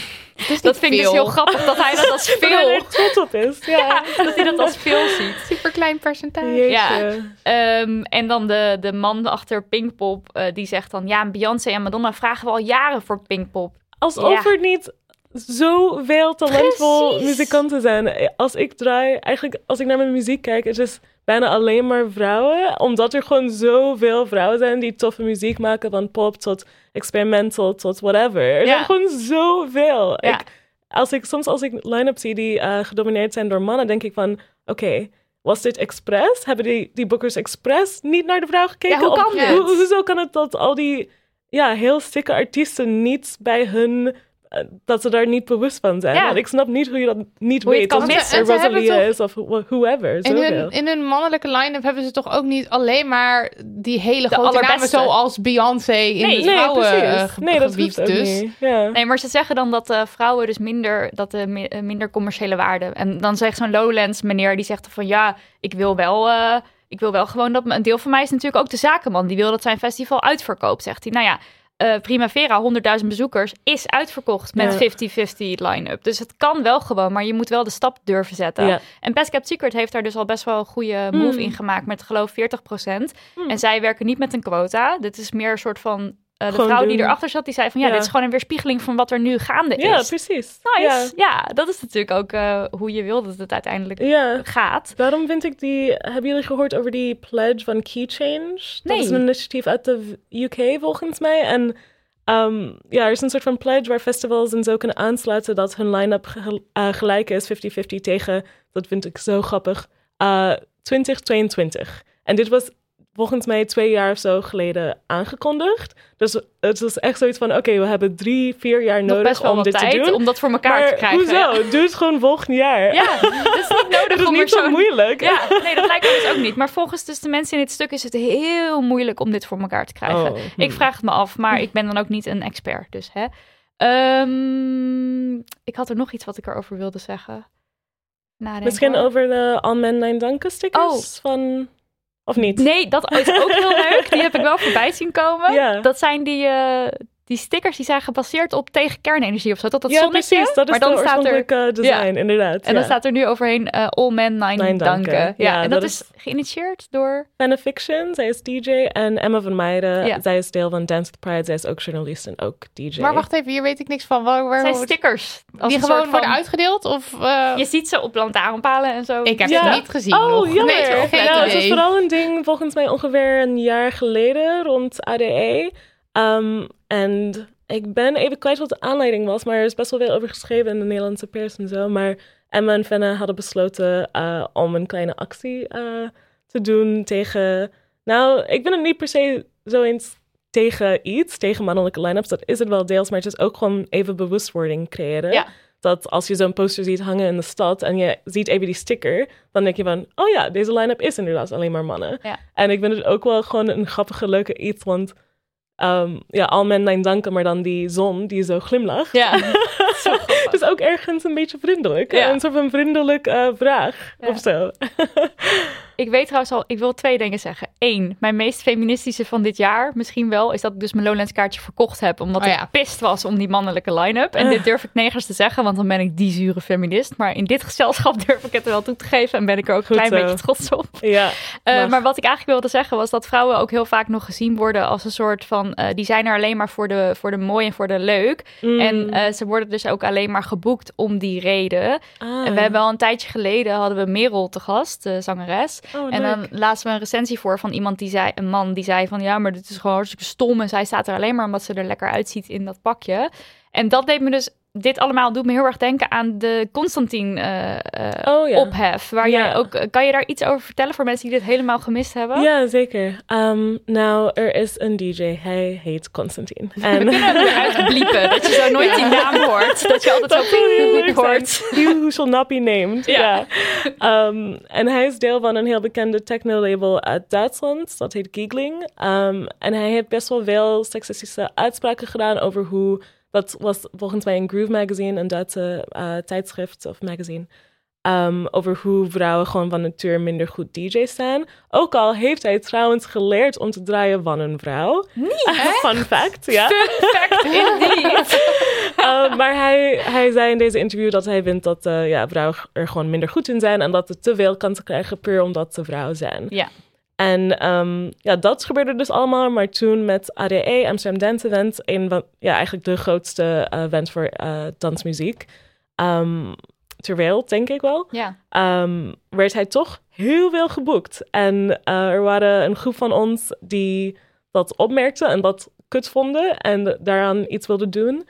Um, want het was gewoon echt zo'n. Het, het gaat niet per se om hem persoonlijk of individu of whatever, maar het gaat gewoon om dat het feit dat hij zoveel werd geboekt liet zien dat de industry het gewoon prima vindt Ja. dat iemand seksistisch Ja, is. dat, en is heel pijnlijk. ja, precies. Dat er geen accountability was. Um, dus dat vooral, dat is wat we echt een probleem vonden. Dat dit zomaar gebeurde alsof er niks was gebeurd, terwijl het wel zo was. Um, dus we hebben een open brief uh, geschreven en we hebben mensen gevraagd om dat te tekenen. Uh, DJ's en boekers en mensen uit het nachtleven, maar gewoon iedereen die dit belangrijk vond. Uh, dus dat gebeurde en toen uh, maakte dat gewoon heel veel los. Uh, en dat was ook, denk ik, misschien ergens wisten we wel dat dat zou gebeuren. Want toen waren, waren er ook heel veel reacties binnen de Nederlandse muziekscene. Zo van, ja, maar hoezo? En kom op. En dit is toch Kan je dan niks meer erg. zeggen? Ja, precies. Dat. En Ja. mag hij dan nooit meer draaien? Ja. En heel veel mensen die vonden dat het heel erg overdreven was. Uh, dus er was heel veel seksisme die dan uh, ineens heel zichtbaar was. Ja. We wisten al dat het er was, maar nu was het heel zichtbaar in, zeg maar, de argumenten die mensen bedacht hadden voor waarom Constantine toch wel moest draaien en waarom wij allemaal gewoon een beetje aan het duren Ook wel waren. lekker, want dan kan je zo precies aanwijzen. Daar zit Ja. het en daar zit Ja. het en daar zit het. Ja, dat is wel denk ik echt een belangrijke stap, inderdaad, in dit soort dingen. Um, ja, dus dat. En uiteindelijk heeft hij wel um, zijn excuses aangeboden. Hij werd... Um, hij was volgens mij in vijf verschillende plekken geboekt. En veel van die plekken hebben een soort van statements gemaakt over waarom ze hem toch wel gingen laten draaien. Uh, blijkbaar uh, heeft hij toch niet gedraaid in Skatecafé. Hmm. Zeggen de mensen die bij Skatecafé werken. We, we hadden heel veel contact met hun, maar we vonden het heel jammer, want ze hadden het toch niet naar buiten gecommuniceerd. Oh, ja. Dus zij hebben ons verteld van, oké, we hebben hem af vanaf het line-up gehaald. maar, dat hebben we niet niet. gecommuniceerd. Ja, ze wilden geen communiceerd. statement maken. Nee, en we waren zo van, jongens, ah. dat Ja. is precies het punt. Om zeg maar een voorbeeld te zijn binnen de scene. Van, wij vinden het belangrijk dat onze vrouwelijke bezoekers zich thuis en welkom voelen. Dus we gaan deze stap zetten. Ja. Maar als je dat niet zegt, dan weet niemand het gewoon. Nee. Dus dat vonden we heel jammer. Ehm, dus ja, we weten, ja, ik vind het moeilijk om te zeggen wat we hiermee hebben nou, je hebt bereikt. het Maar ik denk wel bewustwording. Ja. En het was wel echt een heel groot ding voor een aantal weken. Dus ik denk, Ik heb het ook Ja. veel voorbij in het parool en zo. Echt Ja, wel, precies, veel ja. voorbij. Ja. ja, dus ik ben benieuwd wat er met de volgende ADE Daar ben ik ook heel benieuwd naar. Of er dan eh, verandering is. En dan Ja. ook nog één laatste ding. Want ik zag ook een artikel voorbij komen over, over Lissa, geloof ik. Die Ah, niet naar appelsap. Oh, precies. was ja. Oh, die had ik gegaan. Dat geschreven was vorig volgens jaar. mij. Ja. ja. Ja. precies. Ja. Ja. want daar was de situatie dat zij had afgezegd. Omdat er een artiest of meerdere artiesten kwamen. Die Ja. eh, beschuldigd waren van seksueel overschrijdend gedrag. Of Ja. misschien zelfs voor, dat weet ik niet. Ja, volgens mij in ieder geval beschuldigd, maar Ja. van één is er een video. Oh, ja, ja, er is een filmpje van hem, Ja. eh, zijn vriendin toen in een beetje in elkaar aan het zagen. Um, Mhm. Dus er is gewoon heel duidelijk bewijs van en het is gewoon bekend in die scene. Ja. Uh, maar hij was toch geboekt en er was iemand anders waarvan ehm, ja, de- er geen van die soort van harde bewijs was, maar het was ook wel soort van bekend binnen Ja. die scene en besproken uh, onderling. Um, dus hij had inderdaad afgezegd, maar er waren verder geen uh.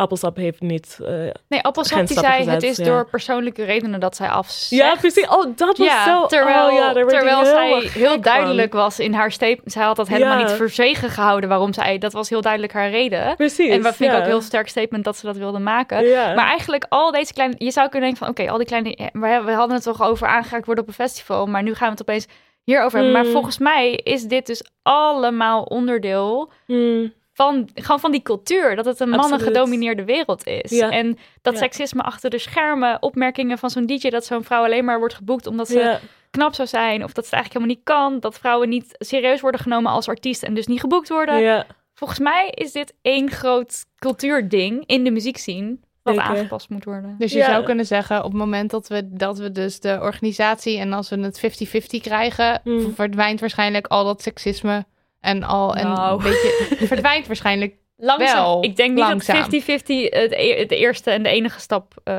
zal Als zijn. het niet meer een mannenwereld is. Ja, niet meer mannen Ja, gedomineerd. dus Ja. ook zou ik kunnen zeggen ook 50-50 achter de schermen, zeg maar de Dat zou boekers en wel de heel veel managers ja. en dat soort dingen. Dat, ja, dat vrouwen gewoon gerepresenteerd zijn achter de schermen, ook op de podia. Ja. Dat personeel training krijgen, hoe ze moeten omgaan met... eh, Ook Ongewenst. personeel diverser is ja, ik ook personeel diverser, zeker. Ja, Ja. absoluut. Je ziet ook al wel veel vrouwen, maar ja. Hm. Eventjes nog één ding. Eh, mocht je nou zin hebben om ehm, meer vrouwenmuziek te luisteren. Oh ja, leuk! En eh, eventjes denken, ja, het is wel goed met die mannen. We hebben dus een Damn Honey playlist op Oh, Spotify Spotify, gemaakt. ja. En elke maand, op de eerste van de maand, ehm, verdwijnen, eh, zetten we 25 nieuwe nummers van hele diverse vrouwen online. En eh, de volgende maand halen we ze weer weg en vervangen we ze door 25 nieuwe nummers. Eh, de, eerste, de Cool. tweede lijst staat nu online. En ja, ik ben er eigenlijk zelf wel trots op. Ik vind het echt een hele mooie mix. Dus als je die wil volgen, dat is Damn Honey, de playlist op Spotify. Ja, leuk. Nice.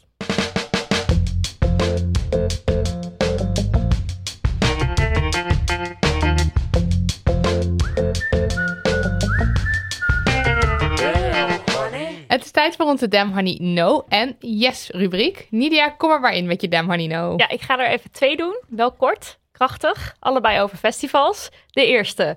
Ik zat een blad te lezen en het heet Live XS. En het is gratis en het gaat over ehm, zomerfestivals. Ik dacht, oh leuk, even kijken, hè, wat speelt waar. Ik bladerde door en het viel me meteen op. Er stonden dus nauwelijks vrouwen in. En toen dacht ik, ik ga tellen. Want ik had dan bij Madeleine, bij Ed Zijkschrift wel eens gezien dat zij mensen telt. En toen dacht ik, helemaal geen gek idee. Want dan kan je echt een claim neerleggen van, kijk, dit is het. Niet van iets minder vrouwen, maar hè. Nou, ik kwam uit op ongeveer 155 mannen versus 11 vrouwen. Oeh. Dus toen had ik een mail naar de hoofdredacteur gestuurd. Een hele vriendelijke mail, niet een hele boze mail. Van, hey, dit viel me op. Is het jullie ook opgevallen? Denken jullie hier wel eens over na? Nou, had hij natuurlijk niet op gereageerd. Ook niet op mijn reminder. Toen hebben we ook nog een Insta-post gemaakt van... hey, eh, nou, dit valt op. hey, veel meer mannen dan vrouwen. En toen zeiden ze eh, als reactie... lees het interview met zeven podiadieren. Dat was de enige reactie. Dus ik dacht, hè, maar dat stuk dat heb ik voorbij zien komen... en, en daar gaat het helemaal... Dat, hè? Oh nee, wacht, ze hadden erbij gezet... waarin we exact dit tot thema verheffen. Sorry, dat vergat ik erbij te zeggen. Mm. Dat was de reactie van hun. Eh, toen dacht ik, hè, maar dat ging daar helemaal niet over. Ik heb het niet van voor tot eind gelezen, maar toen ging ik dus kijken... En er gaan in een zes pagina groot artikel twee alinea's over vrouwen achter de schermen. Dus niet op het podium per se, maar achter de schermen. Waarin Oei, oei, oei. drie mannen aan het woord komen. En de strekking van die twee alinea's is: we zijn er niet bewust mee bezig. Ja, ja bij ons is de verdeling misschien wel oké. Ja, bij ons niet, maar we zijn er niet bewust mee bezig. En dat zijn twee alinea's van de ongeveer 50. Want ook dit heb ik even geteld. Wowie. Damn honey, no.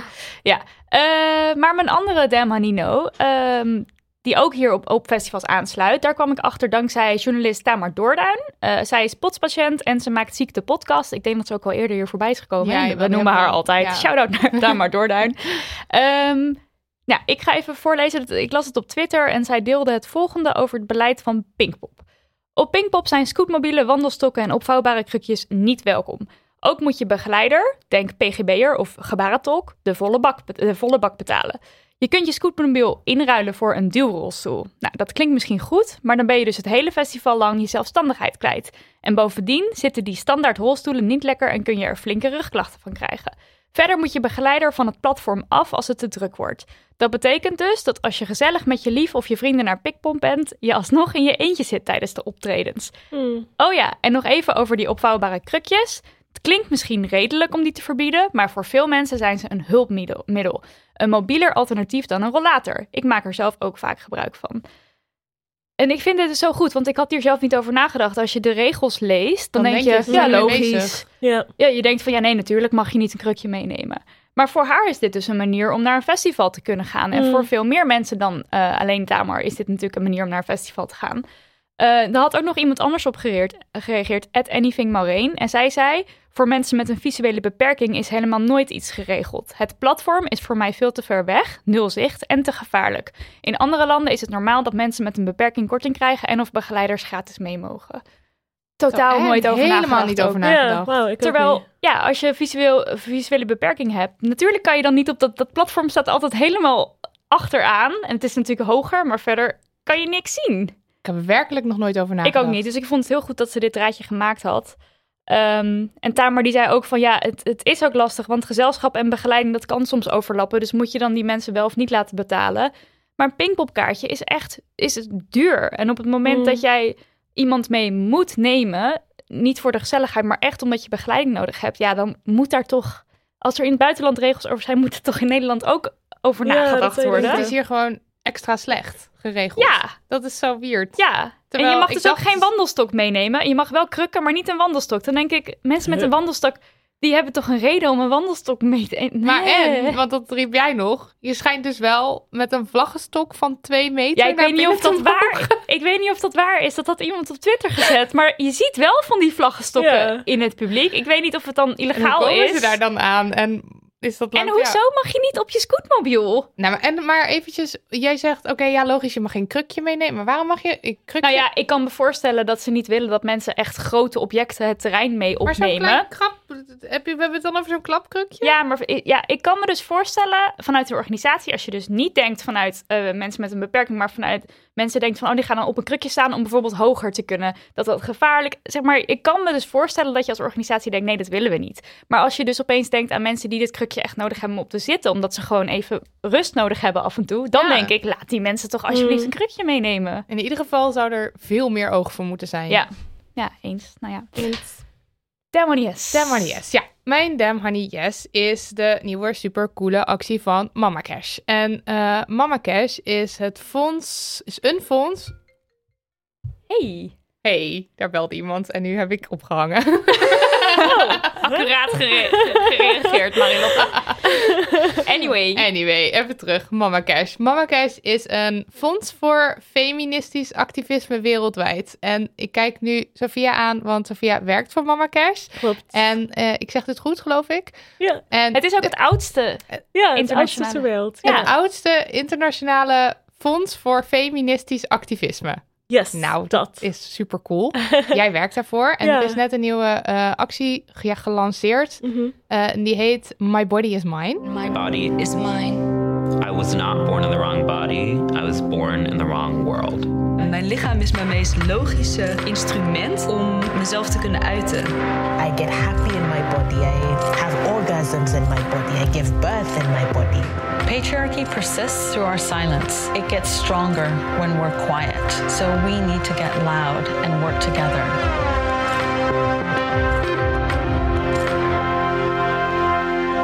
My body is mine. Kun je Ja, daar wat meer over vertellen? ja, met plezier, zeker. Ehm, ja, we hebben een campagne gelanceerd eh, op dinsdag 4 juni. En dat heet inderdaad My Body is Mine. En het gaat over het feit dat, nou, MeToo heeft bijvoorbeeld heel veel, heel duidelijk laten zien eh, hoeveel geweld eh, vrouwen en ehm, mensen van andere gemarginaliseerde groepen meemaken. Ehm, dat was heel belangrijk en heel impactvol. Maar dat is niet de enige. Hoe, kan ik dat best zeggen? Dat is niet het enige onderwerp waar vrouwen en transpersonen en intersex mensen hebben mee te maken. En we willen niet alleen vrij zijn van geweld. Natuurlijk is dat super belangrijk, maar dat is niet het enige wat we willen of waar we recht op hebben. We hebben ook recht op vrijheid en autonomie en plezier om ehm, vrij te zijn om topless op het strand te liggen of eh, met een hijab over straat te lopen zonder lastig gevallen te worden. Om met je vriendin te zoenen eh, op een festival zonder allemaal rare opmerkingen. Ehm, dus het gaat om die vrijheid eh, om te zijn in je lichaam en te doen met je lichaam wat je zou willen doen. Ehm, en hoe de campagne werkt, is dat we hebben een heel mooie gouden tatoeage, tijdelijk tatoeage laten ontwerpen. Dat zegt My Body is Mine. En dat kun je bestellen via onze website of via de campagnepagina eigenlijk, mybodyismine.com. In ruil voor een kleine donatie aan Mama Cash. En dan krijg je drie van die tatoeages. één voor jezelf, één voor een vriendin, één voor je zus of whatever. Um, en dan vragen we, uh, of stellen we voor dat mensen die opplakken en een selfie maken en dat delen op Instagram met een persoonlijke verhaal of een statement over wat deze thema's voor hun betekenen. Ja. Um, en we hopen daarmee uh, ja, gewoon een platform aan te bieden voor vrouwen, trans mensen, intersex personen om collectief onze recht op eh, ja, plezier en vrijheid op te eisen. Ja, en Ja. verhalen delen, dat vinden wij ook altijd. eh, Ja. Dat zeggen we als Ja. een van de belangrijkste dingen. Precies. En ik heb al heel veel mooie posts voorbij zien komen. Ja, dus volgens mij ik werkt het ook heel Ja. goed. ja. Precies, ik probeer zo even een break te nemen op het weekend, maar ik merk dat ik gewoon zo benieuwd ben naar die verhalen, dat ik ga toch zaterdagochtend zo even, kijken Ja. ja, wat er is gebeurd. Ehm, ik heb ook heel veel mooie verhalen gezien en ik heb er ook al heel veel van geleerd van de verhalen, Ja. zoals Tamar ehm, eigenlijk. Ehm, dus dat is heel erg mooi om te zien. En ik zag ook ergens op Instagram een vraag van, ja, maar wat gaan we hiermee precies mee bereiken? Ehm, en dat vind ik wel een goede terechte vraag. Ehm, en ik denk die bewustwording is wel echt iets belangrijks. Dat hebben we ook gezien met MeToo, dat het heeft wel geleid tot werkelijke veranderingen. Ja. Maar ook ehm, ja, die donaties die je maakt in ruil voor die tatoeages, die kunnen we gebruiken om feministische activi- eh, activisten wereldwijd meer steun te geven. ja, want, Want- jullie kiezen elk jaar projecten, toch? Waar je dan... eh, Ja, we krijgen, is echt niet normaal. We krijgen iets van soms eh 2000 eh, aanvragen voor subsidies per jaar. We hebben een soort van call for letters elk Mhm. jaar. En we kunnen ja, soms maar iets van 20 groepen. Eh, Helpen, ja, ja. en we geven wel groepen op het lange termijn eh, eh, subsidie. Dus we hebben elk jaar meer dan 100 groepen die we steunen. Maar elk jaar als we die call for letters doen, kunnen we maar iets van 15, 20 nieuwe groepen van aannemen. 2000. Ja, dus dat is echt heel jammer, want er zijn zoveel activisten die hebben echt een heel sterke visie voor wat ze willen en moeten veranderen. En ze hebben de creativiteit en de moed om dat te gaan doen, maar ze missen gewoon een beetje geld om Ja. bijvoorbeeld een kantoor te huren of computers te kopen of gewoon spullen voor een actie of hunzelf een, een salaris te geven omdat ze hier dagelijks mee bezig zijn. Dus als ze gewoon die geld hebben, kunnen ze, kunnen ze echt heel veel. En ze Ja. doen al heel veel, maar ze kunnen echt aan hun, mm, hoe zeg je dat? They can realize their potential. Dus ehm, bestel die tatoeages, geef geld, deel je verhaal. Yes, en eh, ja, voor een betere wereld. Yes. Yes. Dit was aflevering 19. Bedankt Sophia voor al je wijsheid. Dank jullie wel. En ik zag je op de line-up van Wildeburg staan. En eh, ik ga je bekijken en beluisteren. En als mensen ook naar Wildeburg gaan die luisteren, ga ook eventjes naar Sophia.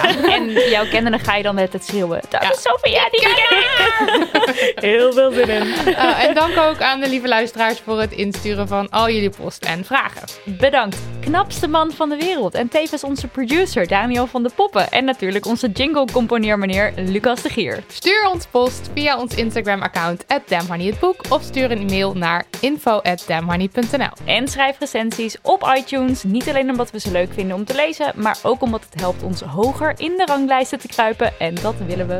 Geld geven mag ook uiteraard. Doe een donatie via patreon.com slash damhoney. Of doe het allemaal niet zelf weten. Tot over twee weken boekies. Doei. Doei.